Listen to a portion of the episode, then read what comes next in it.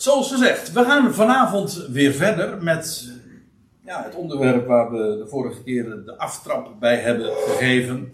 De vier koninkrijken in Daniel 2 en 7. En met die vijfde achter de hand, zal ik maar zeggen. En dat is, uh, als ik het zo formuleer, nog heel aardig en uh, treffend ook geformuleerd. Want om dat vijfde koninkrijk, daar gaat het uiteindelijk om. Zowel in Daniel 2 als in Daniel 7. Laat ik even voor de goede orde het uh, even globaal op, op een rijtje zetten. We hebben, je hebt dus twee hoofdstukken waar we ons dit hele seizoen mee bezighouden. Namelijk Daniel 2 en Daniel 7. En dat in beide gevallen worden, worden twee dromen. Uh, in beide gevallen wordt een droom beschreven. In Daniel 2 is het de droom van koning Nebukadnezar. Terwijl het in Daniel 7 gaat om een droom van Daniel. In beide gevallen, dat moet ik er even bij zeggen, gaat het, dat is het onderwerp, de vier koninkrijken die aan het koninkrijk voorafgaan. In, je moet je ook realiseren dat er tussen die beide hoofdstukken niet alleen een paar hoofdstukken liggen, maar chronologisch gezien in tijdspannen uh, er ook vele decennia tussen liggen. Want in Daniel 2 is Daniel nog een jonge kerel. En hij is daar eigenlijk nog maar kortstondig daar aan het hof van Nebukadnezar. Hij was als jonge man al uh, uh, iets eerder, een paar jaar terug. Daarvoor was hij gedeporteerd naar, naar, naar Babel. Het, het toeval, tussen aanhalingstekens veel, dat ik juist afgelopen zondag. Toen sprak ik hier in de buurt in Ebenezer. En toen uh, heb ik ook al over diezelfde periode gesproken, over, over, die, over de val van Jeruzalem in de dagen van Nebukadnezar en de 70 jaren die daarop volgden. En nou, nu dus weer. Alleen nu is de aanvliegroute een wat andere. Oké, in Daniel 2 is Daniel nog een jonge man en gaat hij de droom uitleggen van, en niet alleen uitleggen, maar ook bekendmaken, die Nebukadnezar gedroomd heeft. In Daniel 7 is Daniel inmiddels, een, dat moet wel, een heel oud man. Want het is dan in de nadagen van het Babylonische Rijk en vlak voordat de, de 70 jaren uh, van die ballingschap, van de verwoesting van Jeruzalem, ter einde zijn. Dus dan uh, is Daniel een, al, uh, nou, ik maak me sterk dat hij tegen de 100 loopt. Ik heb nu inmiddels verschillende berekeningen gezien. Dus ik blijf er even vanaf. Het doet ook niet zo te zaken. In ieder geval, het is een, eh, een oude man al geweest. In die tijd. In Daniel 2 worden vier metalen voorgesteld. Nou ja, een beeld in een menselijke gedaante wordt gezien. En dan worden vier metalen, goud, zilver, brons of zo je wilt, koper en ijzer uh, wordt, worden beschreven in achtereenvolgende volgorde. En, maar in Daniel 7 gaat het ook over vier koninkrijken, maar dan is het perspectief een andere. En ook uh, nogal een stuk wilder, namelijk vier wilde dieren, vier beesten. In beide gevallen gaat het om vier koninkrijken. Daarover is meer te zeggen dan dat ik nu doe, vanavond doe, want dat is vanavond verder niet het onderwerp. Maar dat gaat dit seizoen natuurlijk uiteraard nog aan de orde komen. Goed, hebben u in ieder geval een idee als we het hebben over Daniel 2 en Daniel 7. Over, uh, nou ja, in beide gevallen dromen. In beide gevallen gaat het inderdaad over, is het thema feitelijk identiek. Alleen de wijze waarop het belicht wordt en beschreven wordt is uh, heel veelzeggend en ook uh, heel verschillend. Dan wil ik nog even iets doen wat ik de vorige keer nagelaten heb. En dat is iets uh, over de structuur van het boek. Nee, niet van het boek, van het hoofdstuk Daniel 2. Structuren zijn altijd uh, erg mooi, vind ik. Uh, want dan hou je je niet zozeer bezig met wat er in detail staat, maar dan laat je, dan, dat is een soort van overzicht over het boek. En dan zie je ook hoe, de wij, hoe hoofdstuk is opgebouwd. En dan zie je in dit geval ook parallellen. Uh, je ziet de patronen terugkeren, maar soms ook, dat het verschuift. Dat wil ik ook laten zien. In vers 1 tot 3 zie je dat de Galdeën, de Babyloniërs, want dat is een ander woord daarvoor, uh, ze worden opgeroepen. In, later in het hoofdstuk worden de, wordt Daniel opgeroepen. In vers 4 tot 9 wordt de eis van Nebukadnezar beschreven. U weet wel dat hij dan zegt van ja, de, mijn, de elite, het keurkorps van, van, van geleerden, academici, reizen, etc. Die moeten opdraven en die moeten mij vertellen wat ik gedroomd heb, maar ook uh, wat de betekenis daarvan is. En hij stelt daar hoge eisen. En in later in het hoofdstuk zie je dan dat uh, Nebukadnezar aan Daniel de vraag gaat stellen van wat hij gedroomd heeft. In ieder geval, je ziet uh, de parallel. En in vers 10 tot 11 wordt juist beschreven het onvermogen van die Galdeuse geleerden en al die figuren die, uh, die daar opdraven. En ze zijn niet in staat om aan de eis van Nebukadnezar te voldoen. Die eis die lijkt eigenlijk ook onmogelijk. Maar goed, daar hebben we het nu verder niet over daarentegen wordt in vers 28 tot 30 beschreven. Niet het onvermogen van de Galdeën, maar het vermogen van Daniel. Ik moet erbij zeggen, een vermogen dat hij had gekregen natuurlijk van God. Het was niet van hemzelf. Ook dat zegt hij er uitdrukkelijk bij. Dan krijg je iets uh, eigenaardigs, want dan zie je vanaf vers 10, van 12 tot 16 wordt beschreven hoe vat het even samen, de wrok van Nebukadnezar. Dat wil zeggen, hij reageert op het onvermogen van die Galdeuse geleerden. Zijn jullie, zijn jullie nu in dienst van mij? En, en, en dat zij daartoe, eh, terwijl dat hun taak juist is om zulke dingen, zulke raadsels op te lossen, zijn er niet toe in staat. En hij wordt eh, verschrikkelijk boos. Dat hebben we trouwens de vorige keer allemaal besproken. Dus, hè. Staat tegenover uh, dit, namelijk de dankbaarheid juist van Nebukadnezar, eh, ten, als hem de droom verteld wordt. Maar eerst nog even dit. Eh, dan lees je ook dat eh, vanwege die wrok van Nebukadnezar, dat de vrienden van Daniel, Daniel en consorten, hè, CS, die in nood zijn. En ja, de situatie zag er ook voor hen nogal zwart en zwart, zwartgallig uit. Want ook zij dreigde om te komen. En, nou ja, dat wordt dan in die beschreven. En later, in het parallele gedeelte, wordt juist beschreven dat Daniel en zijn vrienden verhoogd wordt. En daar, het einde van het eerste deel van Daniel 2, dat eindigt dan met de, wij, dat God aan Daniel bekend maakt wat Nebukadnezar gedroomd heeft. En ook wat de betekenis ervan is. Nou, en dat is dan, dat maakt ook dat uh, het, uh, als, als Daniel die droom dan daadwerkelijk ook aan Nebuchadnezzar bekend maakt, ja, dan keert de boel echt om, want Nebuchadnezzar is zeer dankbaar en Daniel wordt verhoogd. Dus het komt er eigenlijk op neer dat die openbaring van de droom, die doet om, Nebuchadnezzars wrok omkeren, in dankbaarheid namelijk, en omgekeerd uh, en ja, letterlijk omgekeerd. Daniels vrienden, hun situatie, vanwege die openbaring van de droom, die verkeert ineens van drama en van nood in het feit dat zij verhoogd worden aan het hof en een hele hoge positie krijgen.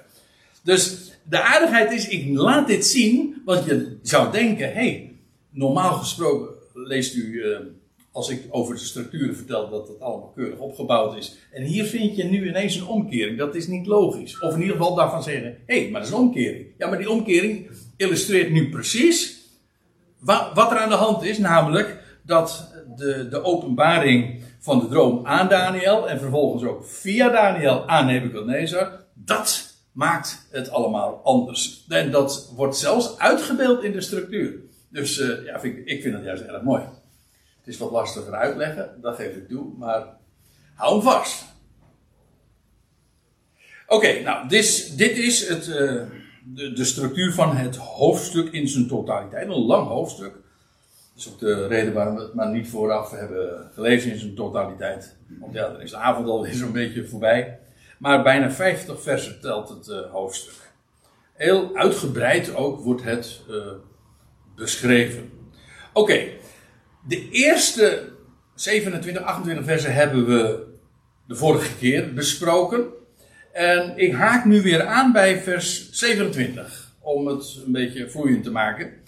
En het gaat er namelijk om dat uh, Daniel daar uh, mocht, mocht, verschijnen voor uh, koning Nebukadnezar. Want ja, hij had toch echt iets te melden. En dan, zegt, lees dan lees je dat Daniel aan de koning, Nebukadnezar dus, een antwoord geeft.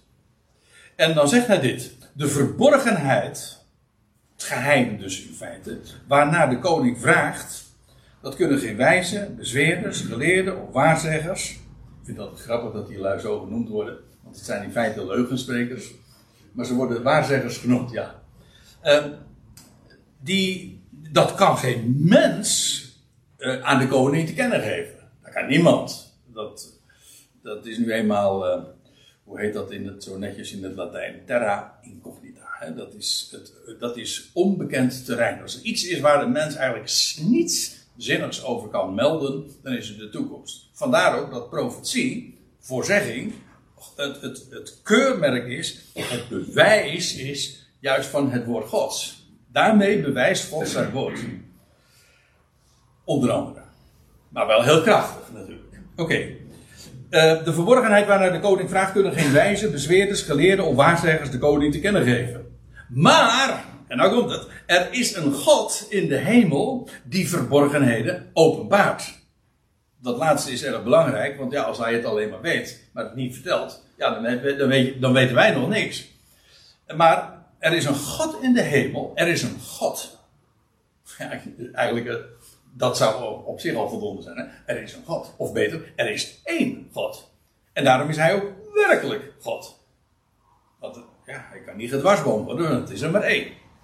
Er is een God en, daar, en die troont boven alles. En hij is het die dingen die geen mens kan kennen, wel kent, maar ook openbaart, onthult.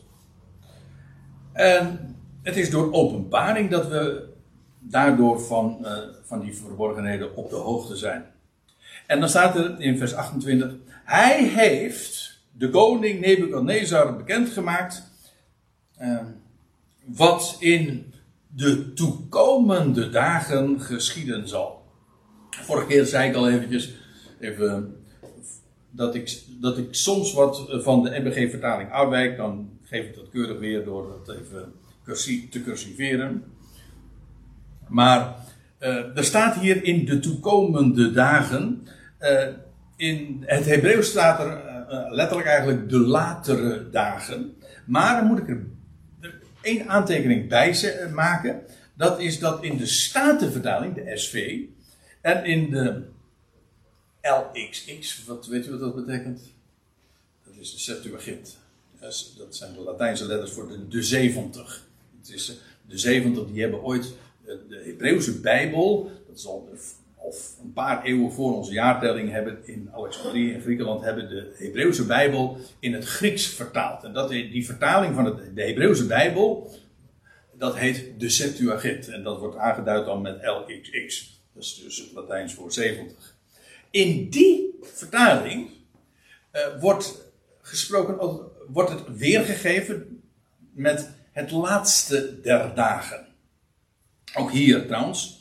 En die is uh, opmerkelijk en ik denk ook, uh, het, moet, het moet toch eh, veelzeggend heten dat het, louter, dat het Nieuwe Testament, als het Nieuwe de schrijvers van het Nieuwe Testament, het Oude Testament, onze, ja, ons Oude Testament, citeren, dan citeren ze uit de Septuagint.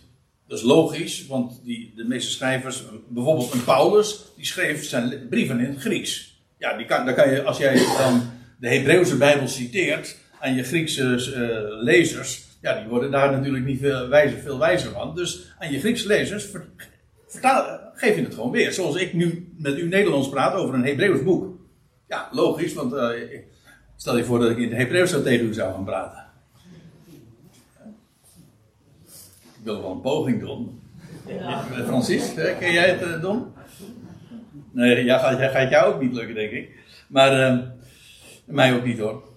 Ik heb er ooit aan geroken, meer ook niet. Maar begrijpt u? Uh, de, de, dus als de, om mijn punt even te maken, als de schrijvers van het Nieuwe Testament uit het Oude Testament citeren, dan doen ze dat in, vanuit de, de Septuagint, de, de, de Griekse vertaling. En dan, eh, dan daar wordt gesproken over, over het laatste der dagen. En meestal is het ook een aanduiding, als, als dat, want het komt nog eens een keertje voor, als er gesproken wordt over de latere dagen, of in de Statenvertaling staat, in het laatste der dagen. En dan blijkt het te maken te hebben met het Messiaanse Rijk, of de Messiaanse tijd. De tijd dat de Messias zal komen.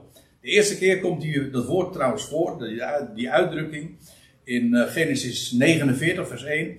Als Jacob zijn, zijn, zijn zonen bij, uh, bij zich roept, want hij staat op het punt te overlijden en dan heeft hij nog wat laatste woorden. En dat, dat zijn profetische woorden. En dan zegt hij: Ik zal jullie bekendmaken wat in het laatste der dagen vervuld zal worden. En, nou, en zo komt die uitdrukking nog veel vaker voor. Eén keer wil ik, ik, wil, die wil ik even citeren, omdat het wel heel veelzeggend is. Jezaja 2. Daar, uh, daar staat dit. En het zal geschieden in het laatste der dagen, daar staat dezelfde uitdrukking. Of, uh, vrijwel een identieke uitdrukking als in, in Daniel. Laten we het niet ingewikkelder maken, want ook dat is Aramees. Maar goed. De vorige keer heb ik er iets over verteld? Dat die hoofdstukken in Daniel 2 tot en met 7 in het Aramees zijn opgetekend. En dat is, dat lijkt op het Hebreeuws, maar het is wat anders. Het is een dialect, zeg maar. Maar goed, uh, sorry. Uh, in Jezaja 2 dan lees je, en het zal geschieden in het laatste der dagen, dan zal de berg van het huis van Yahweh, dat is daar dus in Jeruzalem. Ja, ik zeg dus, want u zegt van, daar staat helemaal geen huis van Yahweh in Jeruzalem. Nee, maar er is wel een heleboel om te doen hoor. Hm?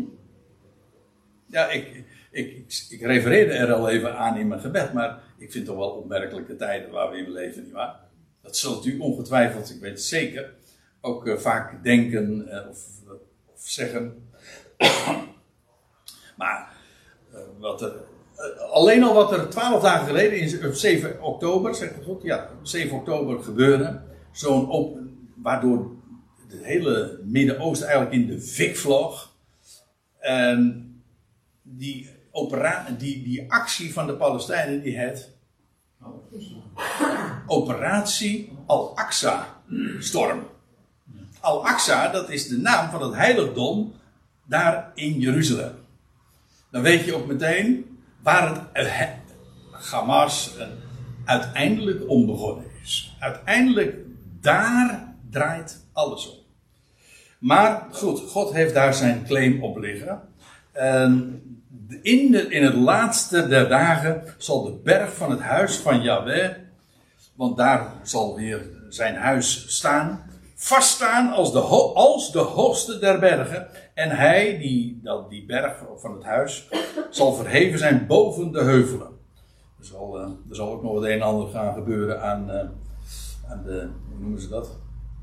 Aan het hele landschap. Ja, aardbevingen, bergen die scheuren, et cetera. Maar in ieder geval, dan zal die verheven zo boven de heuvelen. En dan staat erbij, en alle volkeren zullen derwaarts heen stromen. En dan, je zou het vervolg moeten lezen. Maar het gaat er even om dat het hier een profetie is over het Messiaanse Rijk, waarin, waarin niet alleen Jeruzalem herbouwd is en waar de tempel weer zal staan, uh, maar waarin ook, uh, dat staat trouwens ook in Jezaja 2, des Heeren woord zal vanuit Sion uitgaan en zijn wet vanuit Jeruzalem. En dan zullen de volkeren optrekken naar Jeruzalem als pelgrims.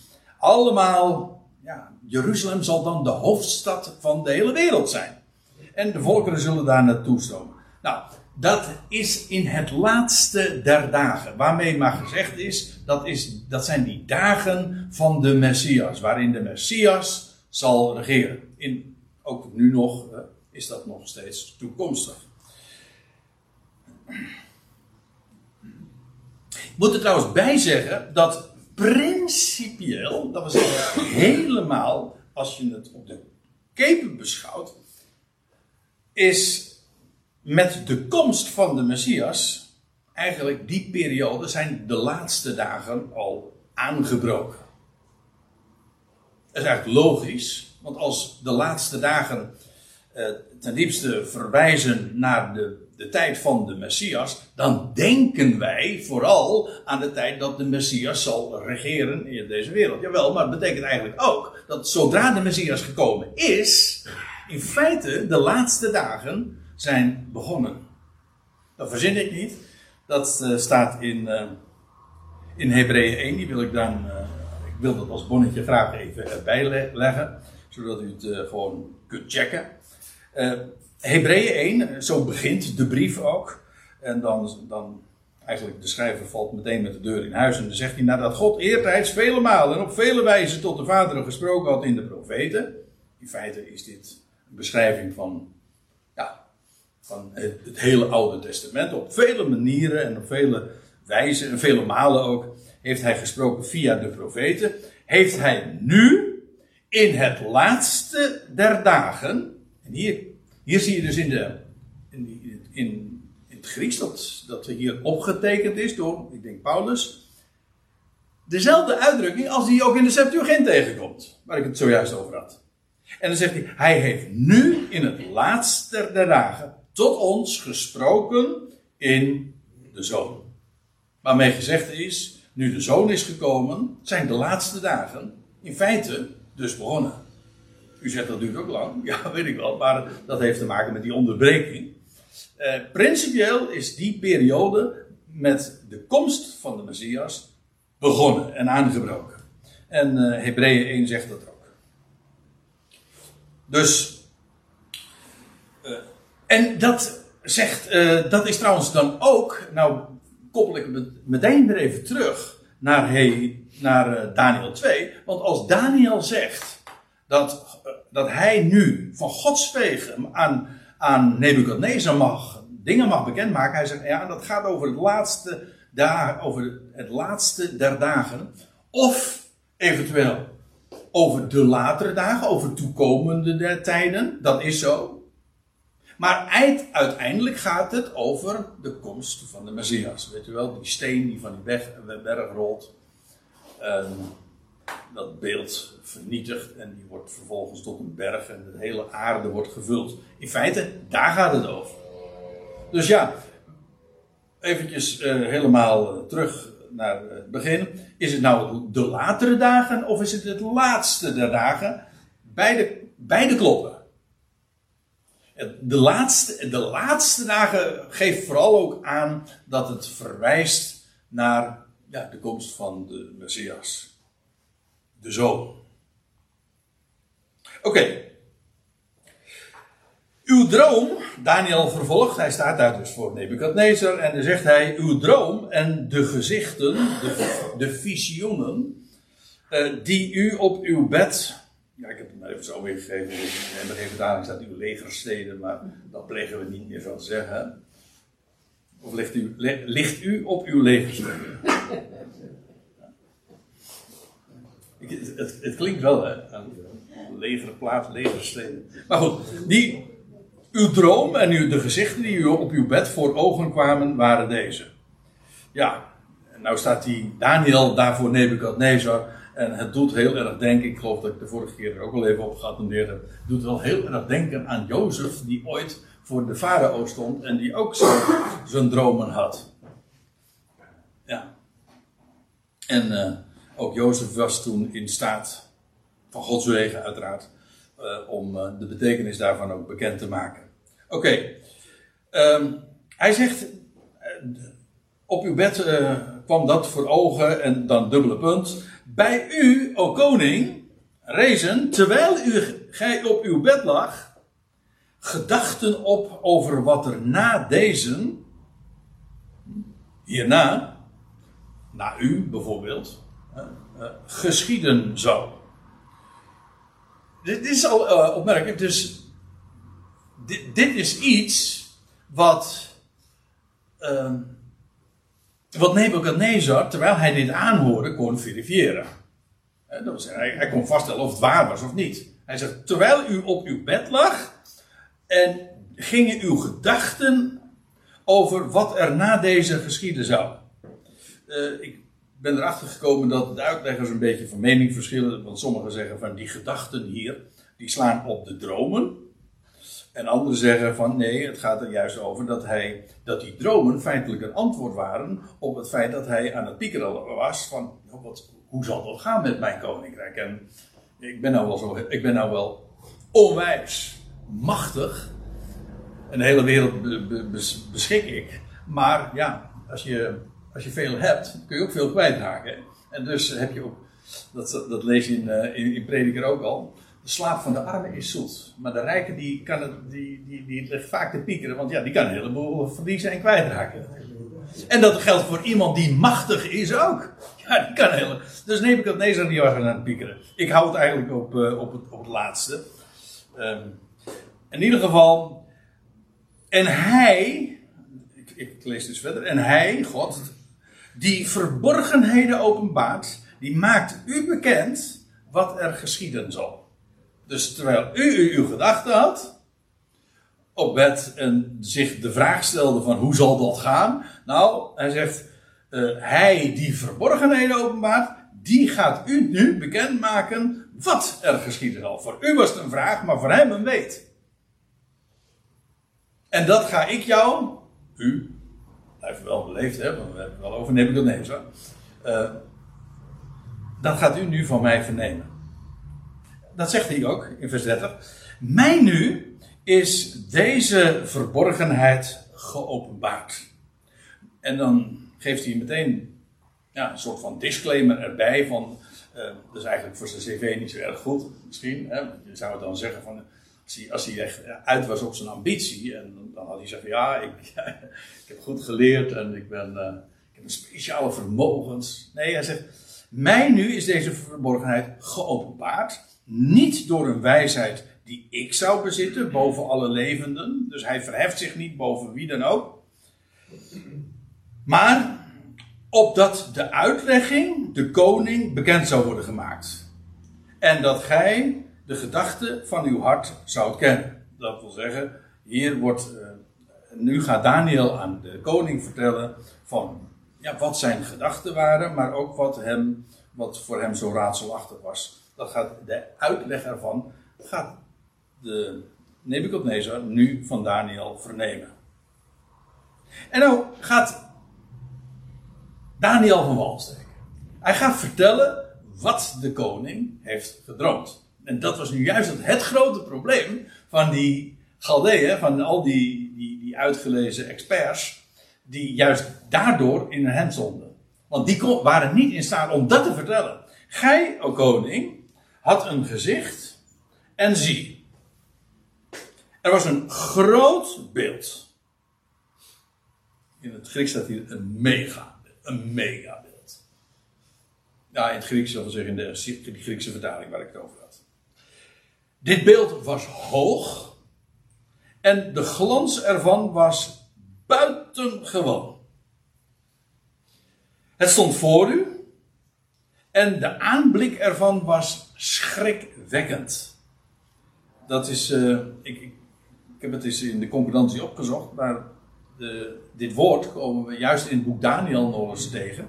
En hetzelfde woord wordt ook gebruikt in hoofdstuk 7, vers 7, waar we in een veel later stadium van dit seizoen uh, uiteraard nog op komen.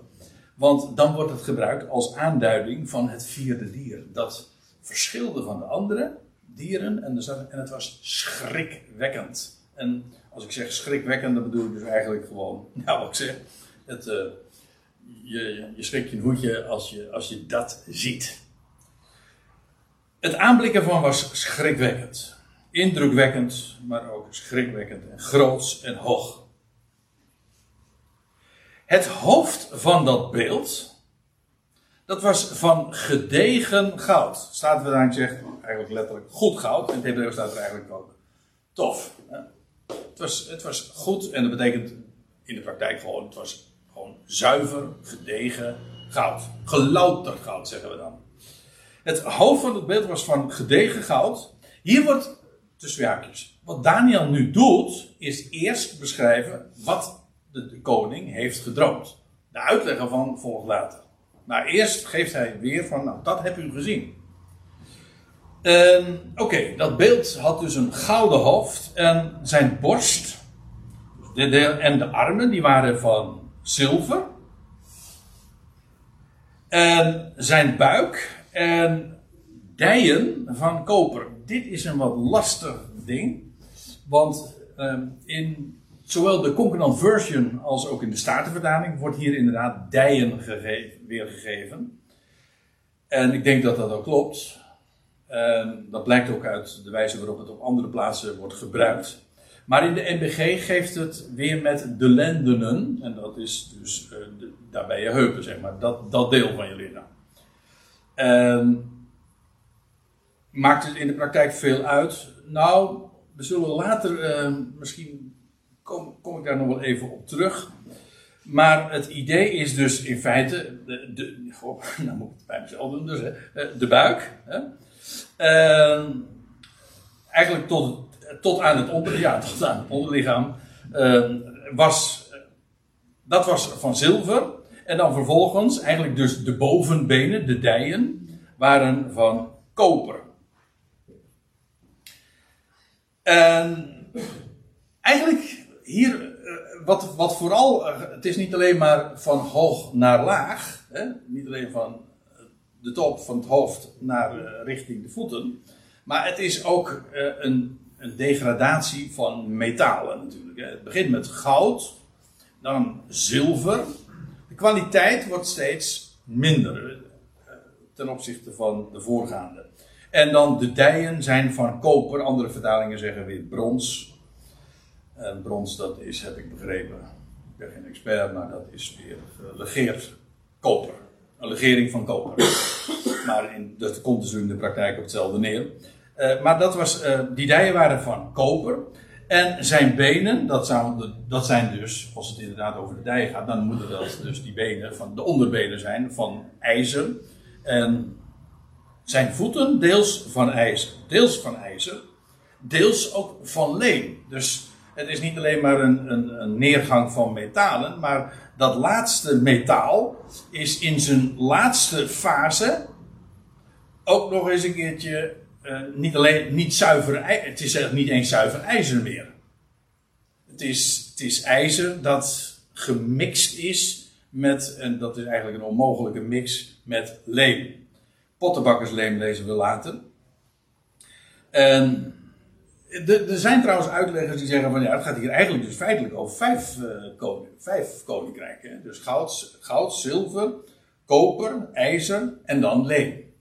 Maar dat gaat niet op. Het zijn, het zijn, het zijn vier metalen. En dat laatste, in de, die, die, die vierde, is in zijn eindfase gemixt.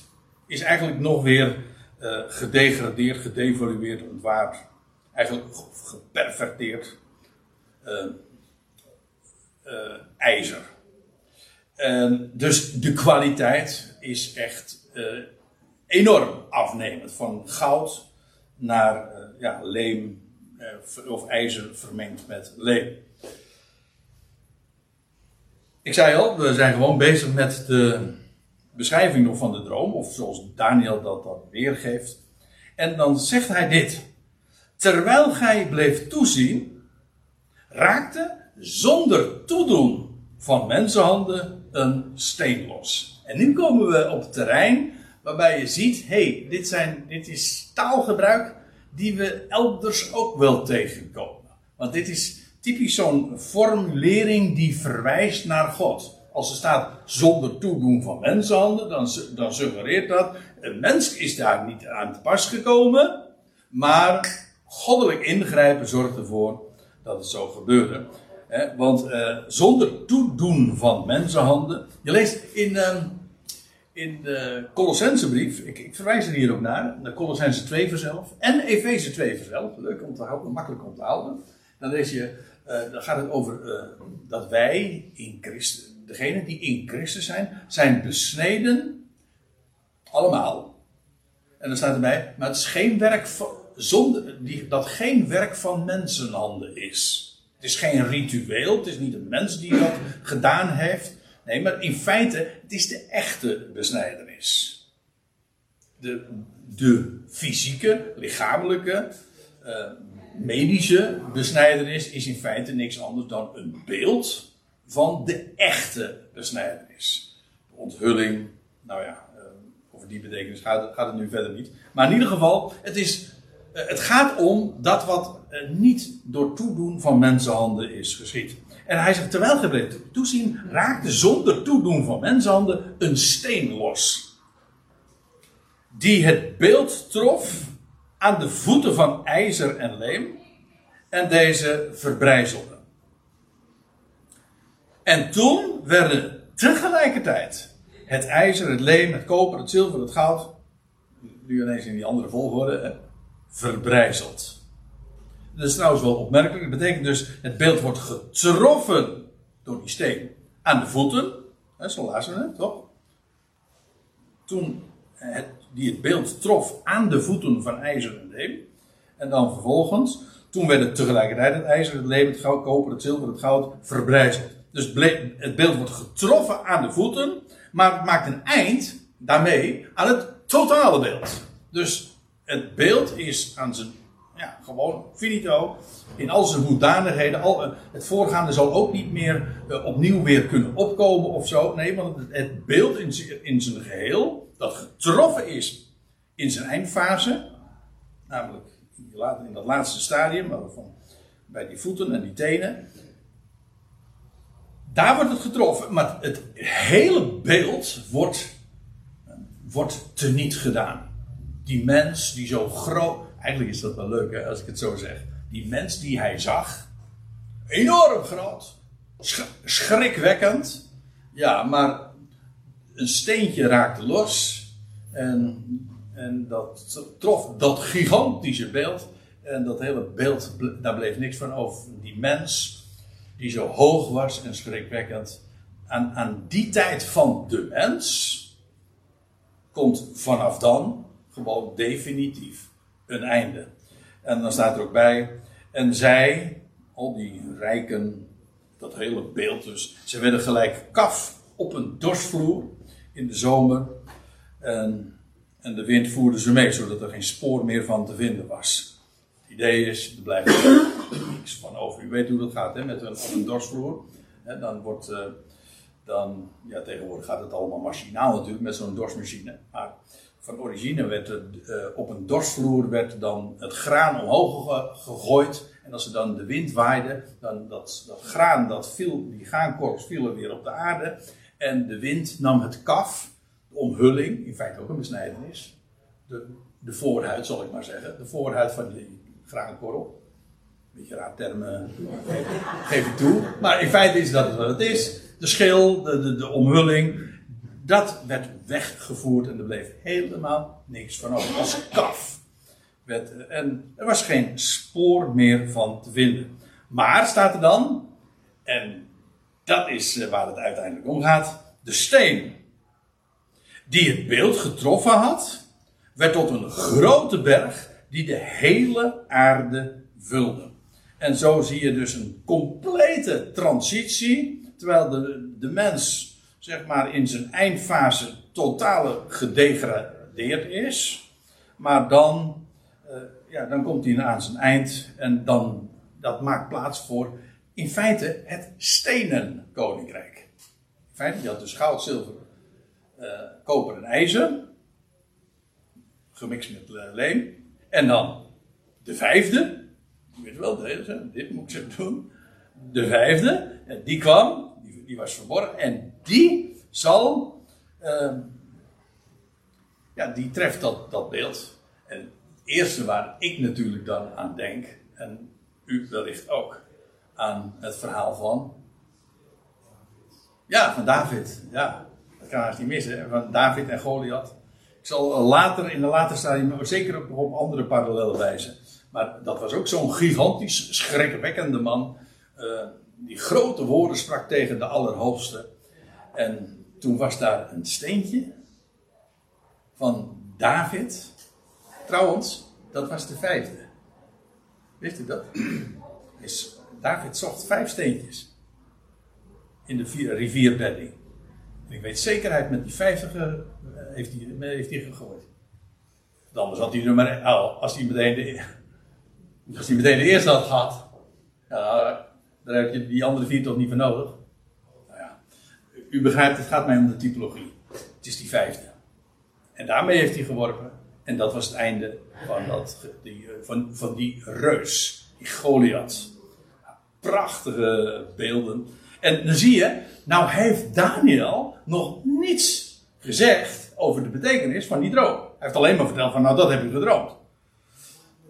Maar over de uitleg ervan heeft hij nog helemaal niks gezegd. En toch moet ik erbij zeggen dat hoewel de droom zelf uh, nog niet is verklaard, zijn er wel, met name in dat laatste gedeelte, in, dat, in die slotfase, zie je wel allerlei hints, allemaal van die typen. Je, hé, hey, wacht eventjes. Als, kijk, Nebuchadnezzar heeft daar geen sjoegen van gehad. Dat, dat weet ik eigenlijk wel zeker. Want ja, wist, wat wist hij daar nou van?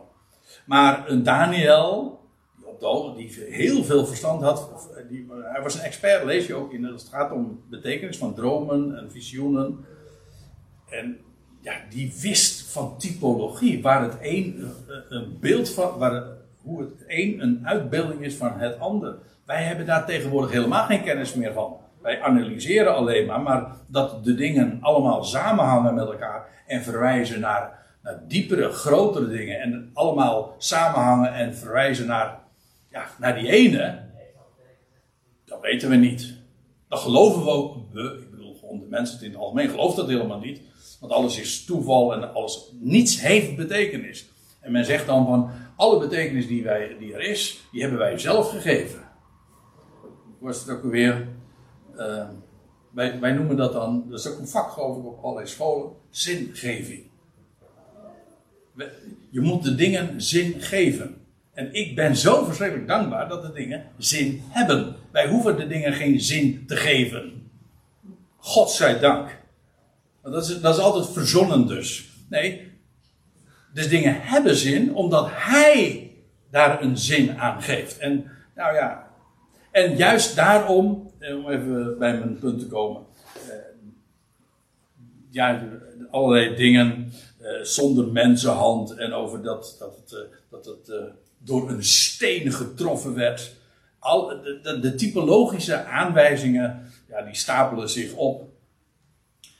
En dus de bij, achteraf, met de, met de kennis van de schrift, zou je een heel eind komen bij, de, bij het uitleggen van deze droom. Daar ben ik zeker van.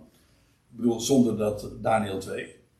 Maar uh, Nebuchadnezzar wist dat in ieder geval niet. Hij zegt, daarom zegt uh, Daniel dit. Dit is, de, dit is de droom.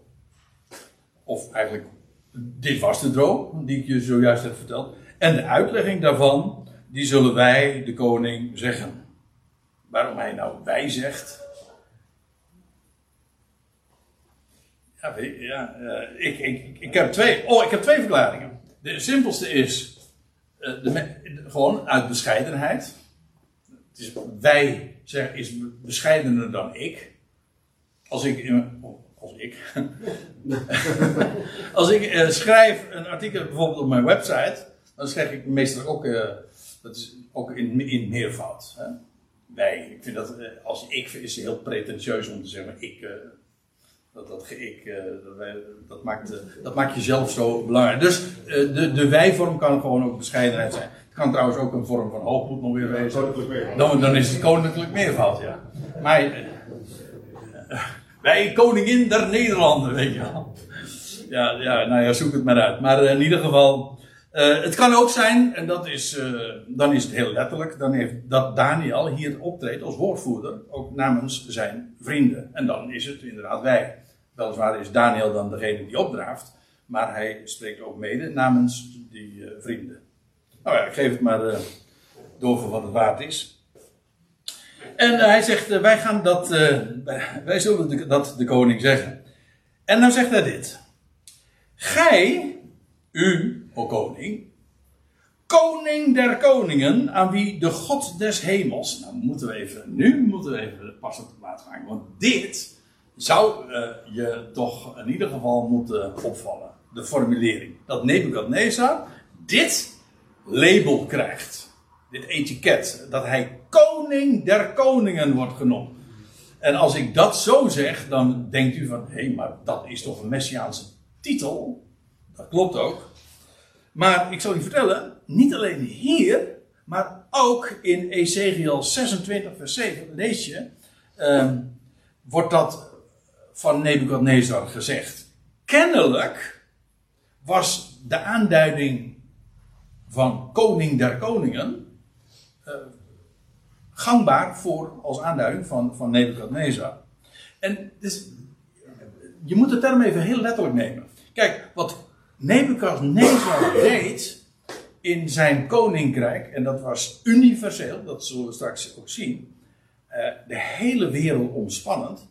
Maar het was niet, dat deed hij niet door alle koningen af te zetten, en dat hij als enige koning overbleef. Hij verwijderde niet alle andere koningen. Nee, wat hij deed, is hij zette ze op zijn plaats, of anders gezegd, hij zette zichzelf op de troon boven die andere koningen. Hij was dus de koning van de koningen. Dus, dus letterlijk een overtreffende trap, zoals je die zo vaak hebt in, de, in met name het Hebreeuws. Het lied der liederen, de koning der koningen, de hemel der hemelen, of het heilige der heiligen, nou, de, god der goden. De God, de God der goden is ook een mooi, hè? Want de God der goden wilde zeggen, er zijn goden. Ja, ja, zowel op de aarde als in de hemel. Dat wil zeggen, degene die dingen beschikken, rechters, koningen, die worden allemaal goden genoemd. Maar de Allerhoogste is de God der goden. Vandaar ook dat hij de Allerhoogste is. Zij zijn hoog, maar hij is de Allerhoogste. Dat is de overtreffende trap. En, en ne maar Nebukadnezar was dus ook een koning van koningen. Dus terwijl er op de aarde nog tal van andere dynastieën, koningen waren, maar hij overtrof hen en ze stonden allemaal onder hem. Onder zijn gezag. En ja, wat uh, duidelijk uh, moet zijn. Uh, de term zelf, en daar kennen we de, verreweg de meeste van u hem ongetwijfeld ook van, is die van toepassing op Christus. Laat ik hem twee voorbeelden daarvan geven. In openbaring 17, dan lees je, dat is is bijna aan het einde van het boek Openbaring, of in ieder geval het einde van deze Ionen, dan lees je: Deze zullen oorlog voeren tegen het lam. Dan gaat het over die tien koningen trouwens, in het Midden-Oosten. En deze zullen oorlog voeren tegen het lam. Heel interessant. Betekent namelijk dat het lam, eigenlijk staat er het lammetje. Het lammetje zit dan al op de troon in Jeruzalem. Alleen de andere koningen, die zijn. Uh, die, ja, die verwerpen zijn heerschappij. Dus het koninkrijk in Israël is inmiddels hersteld. Maar dan begint de dag van toorn. En dan worden ook de andere koning, koning, de rest van de wereld, de rest van de volkerenwereld, aan hem onderworpen. En dan lees je ook dat er oorlog ontstaat, letterlijk. Tegen Yahweh en zijn gezalfde daar in Zion. En deze zullen oorlog voeren tegen het lam, maar het lam zal hen overwinnen. Hoezo? Nou, want hij is de Heere der Heren. Dus zij mogen dan wel heren zijn, dat wil zeggen heerschappij hebben, maar hij heeft heerschappij over degene die heerschappij hebben. Dus met recht, de Heer der Heren. En dus ook de koning van de koningen. En uh, samen met degene die dan bij hem zijn. Als ik dan nog even doorblader naar openbaring 19, dan lees je. Uh, en hij heeft op zijn kleed dan lees je ook over die, de ruit, een ruiter op het witte paard. De tweede. De definitieve trouwens. Nee, ja, ik, uh, ik, ga, ik ga daar verder nu niet even op in. Ja, want je bent geneigd om de, vooral nu de vraag te stellen van... Waar blijft die eerste ruiter op het witte paard? Maar eigenlijk, dat is niet de goede vraag. De, eigenlijk de echte goede vraag is... Waar blijft de definitieve, de echte de, ruiter op het witte paard? Oké, ik geef toe, dit is een beetje een inside joke. Dat was, niet iedereen zal het pakken. Maar uh, kijk het maar eens naar in het boek Openbaring. Dan kom je twee keer een ruiter op het witte paard tegen. De eerste, ik verklap het meteen maar, is de valse. Ook niet blijvend. En de tweede is de definitieve. Oké. Eh, bij eh, deze cryptische opmerking hou ik het maar. En dan staat er, eh, hij, hij heeft op zijn kleed en op zijn dij. Hey, ik heb het niet nagekeken, maar het zou interessant zijn of, hoe dat in de frictie hier dan staat en hoe zich dat verhoudt met Daniel 2. Weet wel, toen we het over die dij hadden. Nou ja.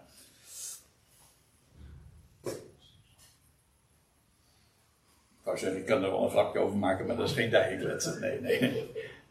Uh, en hij op zijn, dij, uh, op zijn dij geschreven de naam. Wat is zijn naam? Een uitbeelding van, van sterkte en krachten. De dij. Uh, koning der koningen en heer der heren. Ja. Nou, ik zie dat het trouwens precies 9 uur is. Dat licht zou zomaar uit kunnen gaan natuurlijk. Ik heb een knopje nou wel. oh, is dat zo? Oké. Okay. Um, maar ik stel voor dat we eerst even pauzeren. Is dat goed? Oké, okay, dan gaan we straks uh, de draad op pakken bij uh, vers 37 weer. Wij waren gebleven bij vers 37 in onze bespreking. Um, het eerste deel van het, uh, vers 37 hebben we al eventjes onder de loep genomen. En dan uh, lezen we daar dat Daniel inmiddels is begonnen bij, uh, met de uitleg van de droom die Nebuchadnezzar had gezien. Hij had zojuist beschreven wat hij gezien had. En een vorige keer hebben we al vastgesteld van Nebuchadnezzar wist wel wat hij gedroomd had. Alleen hij wilde een, een, een check hebben van of, of de wijzen, de experts ook wisten. Nou, in ieder geval, Daniel heeft het uh, bewezen dat hij het wist. Dat blijkt wel uit de erkenning die hij later ook krijgt.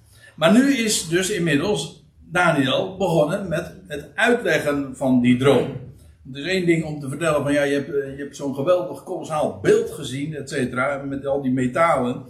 En dan met die steen die van, eh, die van de berg rolde en dan die, die, dat beeld treft. Jawel, allemaal tot je dienst, maar wat betekent dat dan? Nou, en dan, uh, dan gaat Daniel dat uitleggen en dan zegt hij: Gij, o koning, u, o koning, die hier voor mij staat, u bent de koning der koningen. Dat wil zeggen, van alle koningen op de aarde bent u de opperste. En het is in feite dus een messiaanse titel, maar dat dat inderdaad zo is, zal uh, straks ook nog wel blijken. Maar eerst nog even deze term. Ik heb de vorige keer al eventjes daar kort op gewezen. Maar ik wil dat bij deze nog eens doen, omdat het buitengewoon belangrijk is voor het verstaan van dit, van dit hele visioen. Maar dat geldt ook voor dat visioen in Daniel 7. Waarom? Uh, die aanduiding van de God des hemels. Gij, o koning, u bent de koning van alle koningen. En aan wie de God van de hemel het koningschap, macht, sterkte, eer geschonken heeft. Dat laatste is natuurlijk ook veel zeggen, want dat betekent dus dat, dat wat hij bezat aan koningschap en macht en sterkte en eer, dat had hij niet verworven. Dat was niet van hemzelf, het was hem gegeven.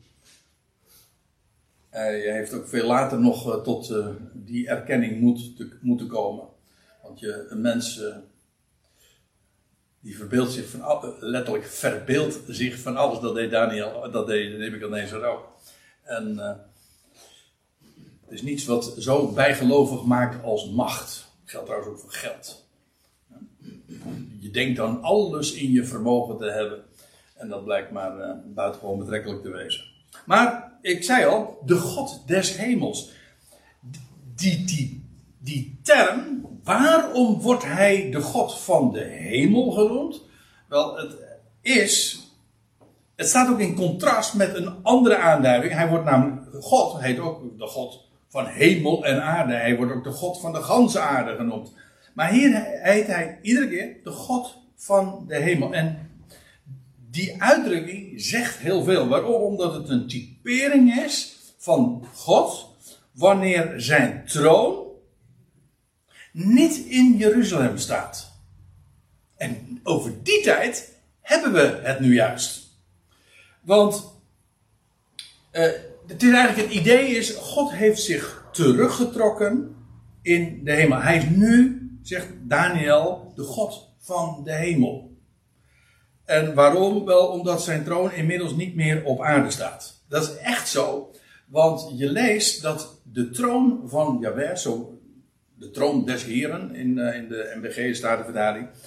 De troon van Yahweh, die, staat, die stond in Jeruzalem. Dus het is eigenlijk de, de troon van David. En uh, ik zal dat uh, bewijzen. In 1 Kronieken 29, daar lees je dat uh, over Salomo, de zoon van David, u weet het wel, die zette zich op de troon van Yahweh als koning in de plaats van zijn vader David en hij was voorspoedig, zodat geheel Israël hem gehoorzaamde. Uiteraard, het gaat mij nu even niet om het feit dat hij tevreden vorst was en dat hij de zoon van David heet, maar het gaat erom dat hij daar in Jeruzalem zich als koning plaatste, jawel, maar het was de troon van Yahweh. Gods heerschappij heeft zich verbonden met ja, Israël, meer speciaal met Jeruzalem, in feite met de dynastie van David. Dat is de koning van zijn keuze. En wat was er nou gebeurd? Moet je even goed realiseren. Ik, heb, ik zei al, uh, afgelopen zondag heb ik daar ook over gesproken in verband met die 70 jaar. Maar wat er gebeurde was, je, je had David, daar begon dat, de, de, troon mee. Hè, de, de, dat was de eerste koning van Gods keuze. En dan vervolgens kreeg je Salomo. Daarna, eh, na Salomo splitste het rijk zich. En de troon die kwam aan de twee stammen. Die bleef daarbij in Jeruzalem. Twintig, en na Salomo heb je nog twintig koningen gehad. Totdat de laatste, Sedekia, ook het veld moest ruimen. En dat was in de dagen van Nebuchadnezzar. Dat was in de dagen dat Jeruzalem verwoest werd. En dat was uh, ook dat uh, de laatste koning uit het huis van David, die op de troon in Jeruzalem gezeten was, die heeft, moest toen het veld ruimen. En de troon sindsdien, en tot op de dag van vandaag, is vakant. Dus er stond, Gods troon stond in Jeruzalem. En sinds wanneer niet meer? Nou, sinds de verwoesting van Jeruzalem. En die troon is dus leeg, is vakant. En waar is God dan? Nou, in ieder geval, zijn troon staat niet op aarde. Of eventueel, uh, vind ik ook, daar heb ik ook vrede mee, maar dat is een kwestie van formulering. Zijn troon staat wel op aarde, maar hij is leeg. Dat wil zeggen, er zit niemand op. En dat is ook zo. Maar in ieder geval, uh, de troon van Yahweh, daar zat Salomo op. En uiteindelijk zal die weer toekomen aan de, de ware, de echte, de definitieve zoon van David. Hier de troon van Yahweh. Overigens, er is een psalm die daar heel uitgebreid over gaat. Ook een psalm van David. Maar daarin lees je ook dat God onder ede heeft gezworen dat zijn, dat zijn belofte verbonden is voor altoos aan Davids huis. Heeft een verbond gesloten met het huis van David. En daar kwam de troon aan toe. En vandaar ook dat de Messias niet alleen maar een, een nakomeling van Abraham en van Jacob, maar van Juda is. En aan Juda was de scepter gegeven, weet u nog. En uh, uiteindelijk is het, uh, kwam het terecht bij, bij, bij, ja, bij David. En de Messias zou een nakomeling zijn uit het huis van David. Hoe dan ook, daar kwam de troon aan toe. En die troon staat in Jeruzalem op geen enkele andere plaats. En dan begrijp je ook meteen waarom er altijd de hele geschiedenis door zoveel geduvel is, als ik het zo mag zeggen. Maar ik bedoel het vrij letterlijk over Jeruzalem. Want ja, dat is de plaats. Dat is, ik bedoel, naar allerlei maatstaven zou je zeggen van waarom. Nou, de echte reden is natuurlijk, daar zou God zijn naam doen wonen. Jeremia 3, dat is ook een mooie. Dan staat er te dien tijden, dit is trouwens een messiaanse profetie, ook weer zo over de messiaanse tijd, waar ik het voor de pauze ook al even over had. Te dien tijden, dat is ook weer zo'n zo'n aanduiding, dan weet, dan, dan, weet je eigenlijk al van, oh, dat zal wel gaan over de tijd. Hè? Te dien tijden zal men, men in het algemeen Jeruzalem noemen de troon van Yahweh. Leuk hè? Jeruzalem, andere naam die de mens, die men dan zal geven aan Jeruzalem. Oh, dat is de troon van Yahweh. Want daar heerst hij, daar is, dat is zijn, uh, hoe heet dat, zijn domicilie, zijn, is de standplaats van Yahweh. Daar regeert hij. Te dien tijde zal men Jeruzalem noemen de troon van Yahweh. En alle volkeren zullen zich daarheen verzamelen om de naam van Yahweh te Jeruzalem.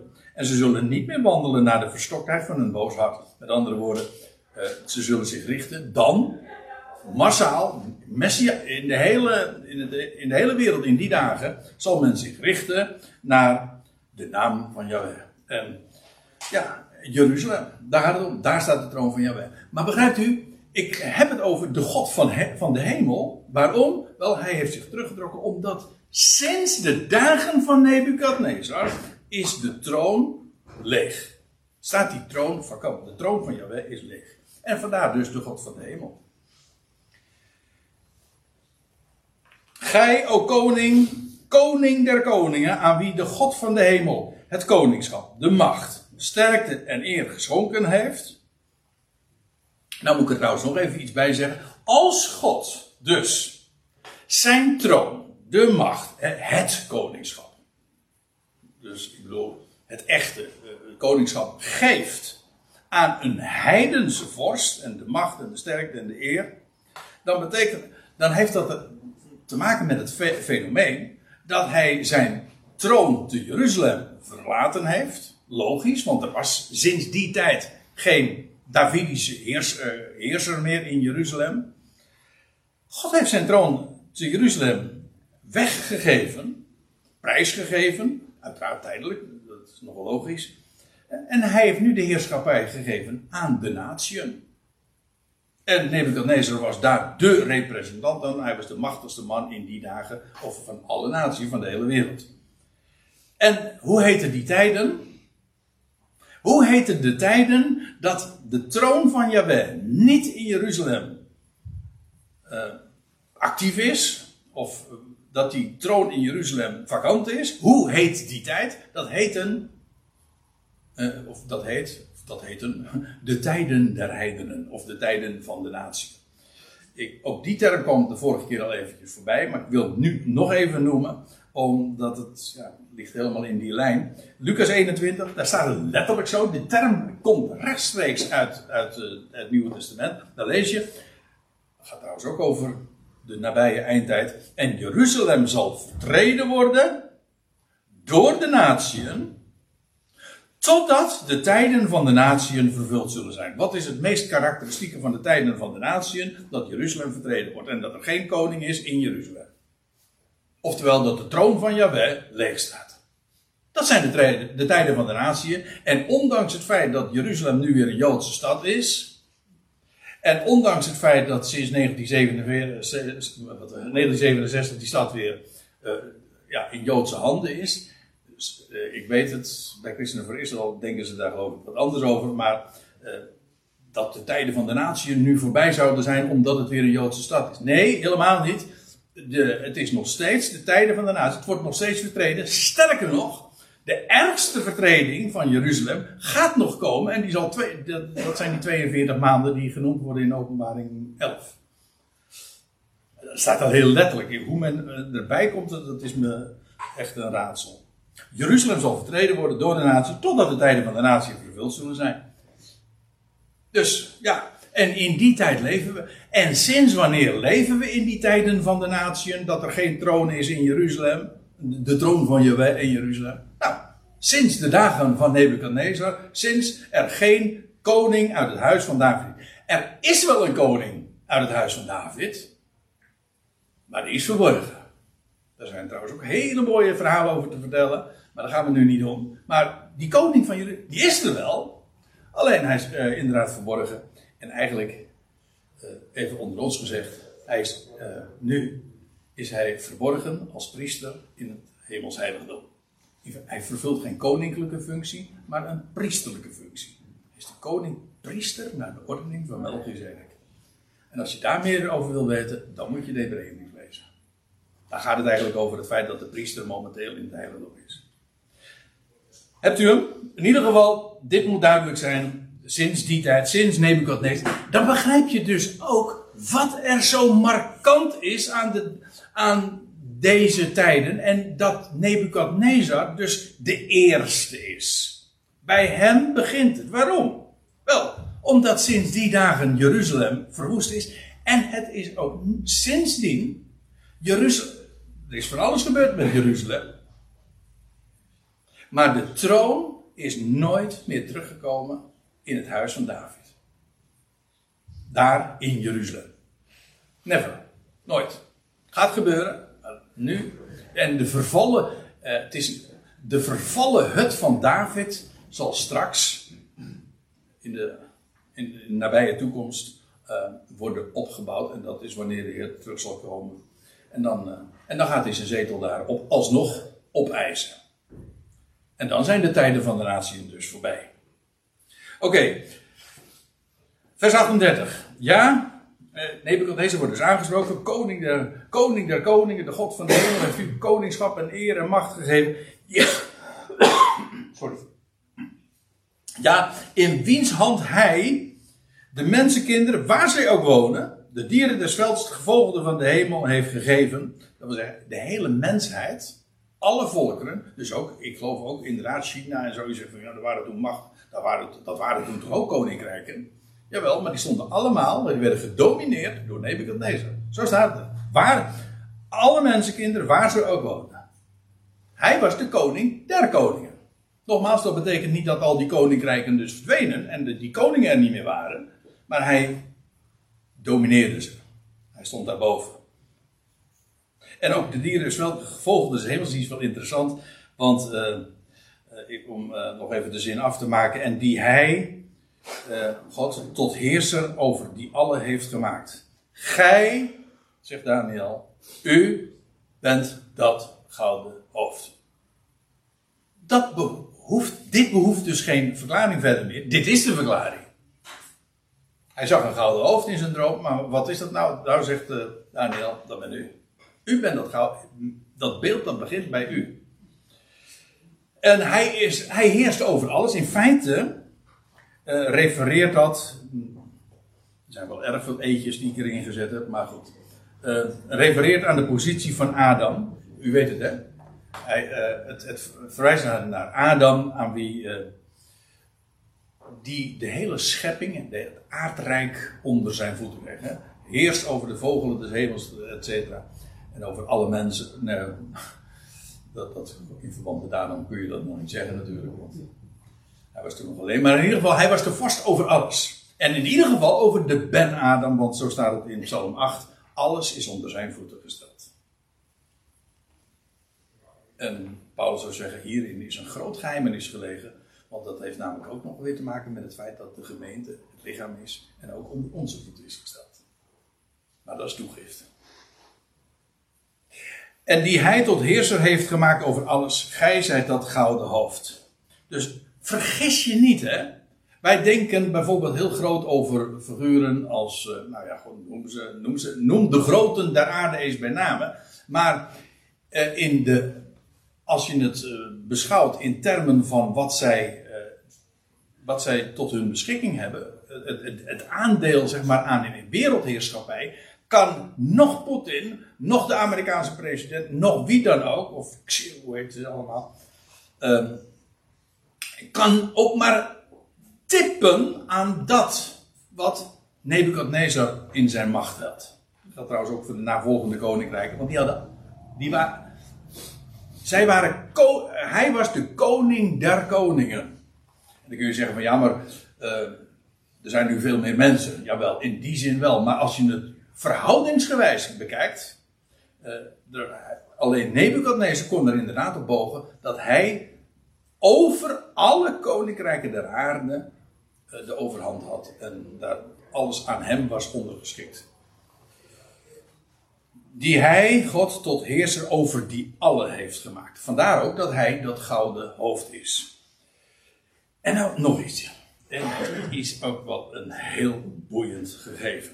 Want uh, geschiedkundigen die spreken van deze periode, die, Google het maar eens een keertje. Die, eh, die noemen dat dan de speelperiode. Meestal trekt men het iets breder. Dat wil zeggen als een ruimere tijd. Maar men noemt dat de speelperiode of dus het scharniertijdperk. En de officiële actie, uh, de academische benaming is de axiale periode ax. Dat heeft te maken met de as. Dus de, de een scharnier, dus een, de speel. En waarom is dat? Ik noem de naam Karel Jaspers, maar dat was de eerste historicus die dat op die manier zo benoemde. Die, die zei van, de, de, deze periode, waar we het nu dus over hebben, dat was een scharniertijd. Hier ging een, eh, hier in dit tijdvak begon een hele nieuwe tijd. En dit is, dit is echt heel apart. Want um, realiseer je, de tijd dat de tempel, dat Jeruzalem en haar tempel verwoest werd. En dus ook een einde kwam aan die Davidische dynastie, de, het koningshuis van David. Dat was ook de tijd, ga maar eens na, dat Confucius in China leefde. En, en daarmee ook een hele nieuwe godsdienst, filosofische richting, erover wordt getwist. Maar het Confucianisme in China begon. Dat was in deze dagen. Ik heb een. Uh, ja, ik wil ze aan u. Uh, ik wil, ik wil op mijn website even een link plaatsen naar uh, artikelen waarin je dat veel gedocumenteerde nog vindt. Eh, die moeite ga ik nu even niet nemen. Maar ik heb bijvoorbeeld een ook een artikel destijds in Bijbel en Wetenschap waarin betoogd werd dat in deze tijd uh, Confucius een man was tussen de 30 en 50 en al de namen die ik nu ga noemen allemaal in die leeftijdsklasse waren. Ik wil maar zeggen, uh, het was allemaal in die tijd dat de Jeruzalem verwoest werd en dat was Confucius kwam op in China. Boeddha in India. Het boeddhisme is in die tijd ontstaan. Uh, je had in Perzië, de huidige Iran dus, had je Zarathustra. En eh, kreeg je ja, een hele grote filosofische, godsdienstige richting geworden. En uh, in, in veel opzichten zelfs uh, spreekwoordelijk. Dat was een enorme figuur. Dus dat, dat was overigens, die Zarathustra, dat is vlak voorafgaand aan die Kores geweest. Maar dat even terzijde. En ook als het gaat over de meer westelijke kant, de Griekse wereld. Je had Thales. Die naam is misschien, eh, spreekt niet zo heel erg eh, tot de verbeelding, maar hij wordt genoemd de grondlegger eigenlijk van de Griekse filosofie. En hij is eigenlijk ook uh, voordat Socrates en hoe heette die andere Plato kwamen, had je Thales en hij heeft zeg maar de, de bodem gelegd van de Griekse filosofie. Een filosofie die nog steeds gedomineerd wordt eh, in de hele westerse wereld. Het westerse denken is gebaseerd op de Griekse filosofie. En uh, ik noem hier Pythagoras, die u natuurlijk alleen maar kent van. Uh, ja, precies. Maar weet u dat die, uh, die, nou, ja, die man die heeft, die heeft wel zo'n mannetje gestaan hoor. Want die had niet alleen verstand van, van cirkels en driehoeken en allerlei andere geometrische figuren. Maar hij was trouwens ook, en dat, zeg, dat moet je ook even. Hij was degene die het echt onder woorden heeft gebracht en verdedigd heeft. De leer van de, spreek niet, de onsterfelijke ziel. Ja, die leer die zo verschrikkelijk haaks op de Bijbelse boodschap staat. Dat zeg ik er ook maar even meteen bij. Daar zijn niet alle christenen het mee eens. Ik moet eigenlijk zeggen, alle christenen zijn het daar niet mee eens. uh, maar uh, goed. Nee, want de Bijbel kent geen onsterfelijke ziel. De Bijbel is alle, zet alle kaarten op de opstanding. Maar, kijk, ik ga nu, het, we gaan nu niet het, het Confucianisme of het Boeddhisme of dat van Zarathustra of van Thales en Pythagoras bespreken. Ik wil alleen maar zeggen, eigenlijk het oude, ik moet nog eventjes erbij vermelden. Ook de Japanse religie van het Shintoïsme. Maar ook het Hindoeïsme, de, de Hindoe-religie. Van, van, namelijk dat als een wortel vindt in het Janisme. Die vinden hun oorsprong in diezelfde tijd. Dat is spectaculair. Dus op het moment dat, of in, de, in het decennium, sommigen zeggen zelfs het jaar, maar maakt me niet uit. Maar in ieder geval in die tijd dat Jeruzalem verwoest werd en dat er een heel nieuw tijdvak begon, de tijden van de natieën, dat was tevens de tijd dat en in Japan, en in China, en in India, en in Iran, en als je de andere kant op kijkt, namelijk eh, Griekenland en de, de, eh, zeg maar richting Europa. In die dagen werd er een hele nieuwe denkwereld uh, ja, ontworpen. En de bodem gelegd, een fundament gelegd voor een heel nieuw type denken. Daar zit trouwens nog iets aan vast. En dat zelfs het Jodendom die, het is ook wel een heel bijzonder gegeven. Ook het Judaïsme, het Jodendom. In haar, tenminste in zijn huidige vorm, zoals we dat nu kennen, is ontstaan. En dit is trouwens, wat ik nu zeg, is algemeen onomstreden hoor. Wat ik zojuist trouwens zei over die scharniertijd is. Kijk het maar naar op uh, Wikipedia over, dat, uh, over die scharniertijd en zo. Uh, het is allemaal terug te vinden. Um, maar ook van dat judaïsme, dat dat inderdaad ontstaan is in de dagen van de ballingschap. Kent u de term van de Babylonische Talmud? De Talmud in zijn eerste aanleg is begonnen in, niet in Israël, in het land, maar buiten het land, toen ze, uh, toen ze in ballingschap gegaan zijn. En daar is toen de, de mondelinge traditie, later op schrift gesteld, ontstaan van de Talmud. Dat was dus in de dagen van Nebuchadnezzar. En toen in die dagen ontstonden ook de synagogen. En zoals gezegd, de basis werd gelegd voor de Talmud. Nu nog steeds in feite leiding geven. En de, de, de overleveringen van de ouden. Het is ontstaan. Wanneer? In die tijd. En weet u wat ik nou ook zo eigenaardig dan vind? Het was ook de tijd niet alleen van dat Daniel in, daar aan het hof van Nebuchadnezzar was. Maar het was ook de tijd dat Ezekiel zich daar bevond. Ezekiel, Jeremia, Daniel waren allemaal tijdgenoten van elkaar. Of ze elkaar kenden, uh, nou misschien Ezekiel en Daniel, ik weet het niet. Uh, geen idee.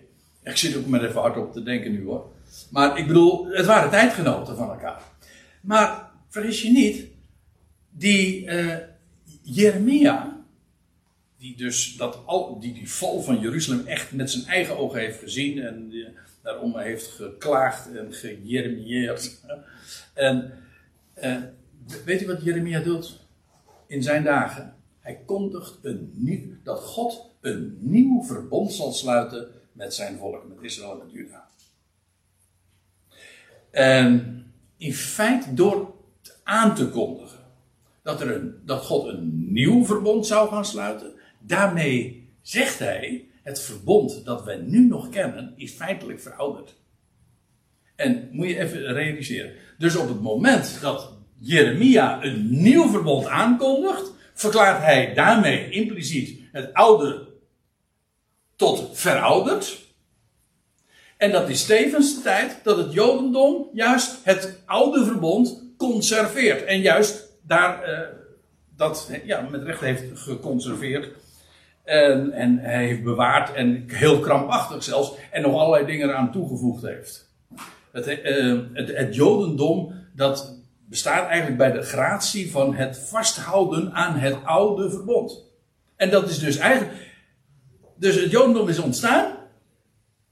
In een tijd dat God een nieuw verbond in het vooruitzicht stelde. Maar zij juist vast gingen houden aan het oude verbond. En heel veel oude overleveringen eraan toegevoegd heeft. En toen, nou, toen is dus het Jodendom uh, in zijn huidige vorm ontstaan. Ik vind dat heel eigenaardig. Dat betekent dus niet alleen maar al die heidense filosofieën en religies die oost van Israël, maar ook ten westen van Israël, allemaal uh, in die dagen zijn ontstaan. Maar ook het Jodendom zelf is in die dagen begonnen en, en ontstaan. Dat betekent dus feitelijk dat, uh, dat heel het denken ja, van de huidige wereld zoals we die vandaag kennen, Van alle grote denkrichtingen. En dan kun je helemaal inderdaad naar het Verre Oosten gaan, van Japan en China en India. En het Hindoeïsme whatever. Het is allemaal te herleiden tot denken dat begonnen is bij de grote mannen, bij de grote denkers in de tijd van Jeruzalems verwoesting, in de tijd van Jeruzalems. Uh, nee, eigenlijk laat ik het nog anders zeggen. In de tijd van het Gouden Hoofd. Waar is dat denken begonnen? Dat is wel aardig zo gezegd, hè? In dat Gouden Hoofd. Feitelijk, uh, alles. Uh, ja, Nebuchadnezzar, die had zo'n enorme macht. Hij heeft ook alles in het werk gesteld om, om alle koninkrijken zeg maar te infiltreren. Ga maar na. Hij haalt Daniel en zijn vrienden, haalt hij naar Babel. Het meest uit, het waren de, de knapste koppen, het was echt crème de la crème. En wat doet hij? Hij geeft ze allemaal Babylonische namen. En dan lees je ook, hij doseerde ze en hij voedde ze op. Hoe staat het er precies? Hij trainde ze in het Babylonische denken. Dus zodat eigenlijk heel het denken dat moest uh, gebabyloniseerd worden. Hè? Of zoiets. Ik weet niet precies hoe ik het uh, moet zeggen. Maar uh, er werd veel, het werd gebabeld. Of moet ik zeggen, er werd veel gebabbeld. Hè? Ons Babylonië komt natuurlijk daar vandaan. Hè? Dan snap je, dan begrijp je elkaar niet meer als je. Maar goed, maar u, u begrijpt, mijn, de insteek is, hele denken uh, moest gevormd worden naar, en, in het schabloon dat Nebuchadnezzar heeft neergelegd. En het, beste, het meest effectieve manier is om gewoon alle leiders uit de wereld gewoon naar, je, naar, naar, gewoon naar jouw centrum te halen. En dat heeft hij gedaan. En, en ze te trainen en dan vervolgens hen gewoon weer op hun positie terug te brengen. En zodat ze op hun terrein ook invloed kunnen hebben. Dat is een hele effectieve methode. Nou, kort en goed, het hele denken van de huidige wereld gaat terug op het heilige, tot het uh, gouden hoofd. Uh, anders gezegd, het intellectuele, uh, rationele, maar ook het spirituele fundament. Denk aan Boeddha en Confucius en, en welke namen noemde ik nog meer. Dat werd toen gelegd. En dat heeft de wereld die wij nu kennen uh, gevormd. Dus als we nou vragen, ja, waar komt dat allemaal vandaan? Nou, dat komt allemaal bij het begin van de, de tijden der natie. Dus, nog anders gezegd, en uh, daar wilde ik het bij laten. Ehm, toen het licht uitging in Jeruzalem, de tempel verwoest, en de troon was leeg achtergelaten. Want Jeruzalem was en de koninklijke stad en het was de priesterlijke stad. Vandaar ook, het is de stad van de koning-priester. Van Salem. Dat is de stad. Maar het licht ging daaruit. En toen begon wereldwijd ja, een, een verduisterd denken. Een heel ander, een Babels denken. En heel knap hoor. Ik bedoel, wij, als ik, dat, als ik die namen zo, zojuist even noemde, dan bedoel ik dat niet denigrerend alsof dat geen knappe koppen geweest zijn. Integendeel, ik, dat zijn buitengewoon knappe koppen. Alleen zonder het licht van God en van zijn woord. En dat is in feite wat de tijden van de natieën eigenlijk karakteriseert. Het is de duisternis. En dan heb ik er nog eentje, die moet ik er nog even toelichten. En dat, uh, ik noem hier eventjes de Shechina. Maar uh, u weet wat het is?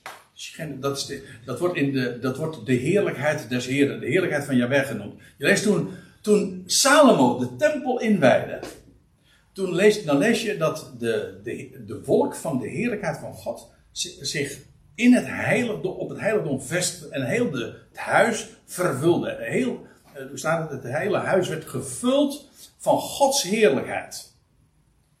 En, dat, en wat lees je in het boek Ezekiel? Ik geloof in het derde of het vierde hoofdstuk. Dan lees je dat Ezekiel ziet dat de Shechina, de, de heerlijkheid van God, zich verplaatst uit de stad en zich vestigt op, gaat oostwaarts, op de Olijfberg.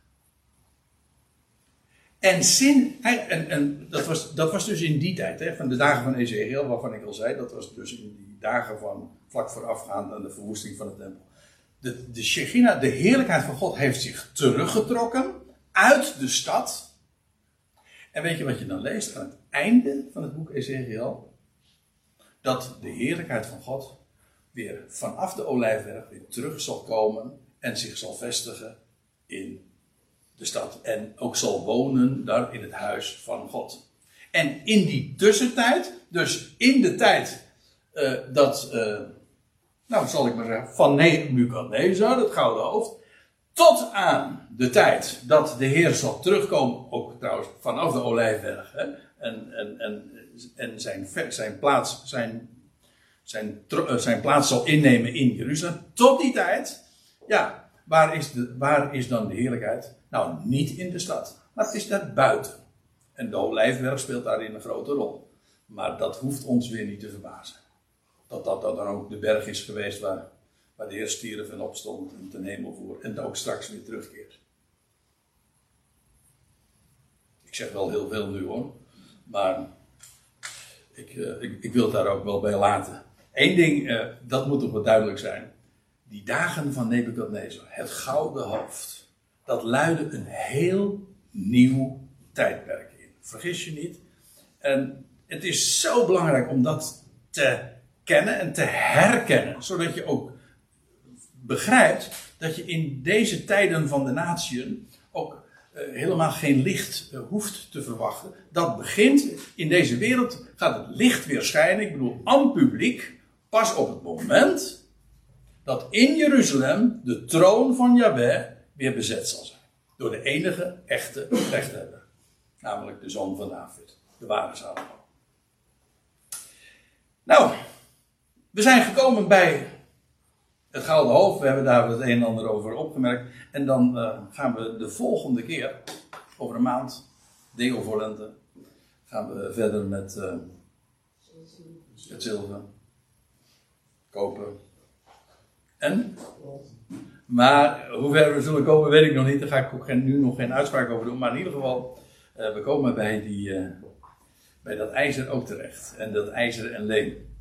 En dan gaat het heel erg boeiend worden, want het wordt eigenlijk steeds actueler. En toch, als je dat gouden hoofd nu bespreekt, hè, zoals we dat nu vandaag, vooral aan het eind, dat zo memoreert, denk je van, wauw, hoe actueel is dat gouden hoofd in onze dagen nog? Dat hadden ze zich nooit gerealiseerd, denk ik. Of in ieder geval, velen van ons niet. Zullen we het uh, hierbij laten? En um, hoe het volgende over een maand uh, weer in de wereld uh, gelegen is, dat weet ik niet. Maar het woord is hetzelfde gebleven, dat weet ik wel.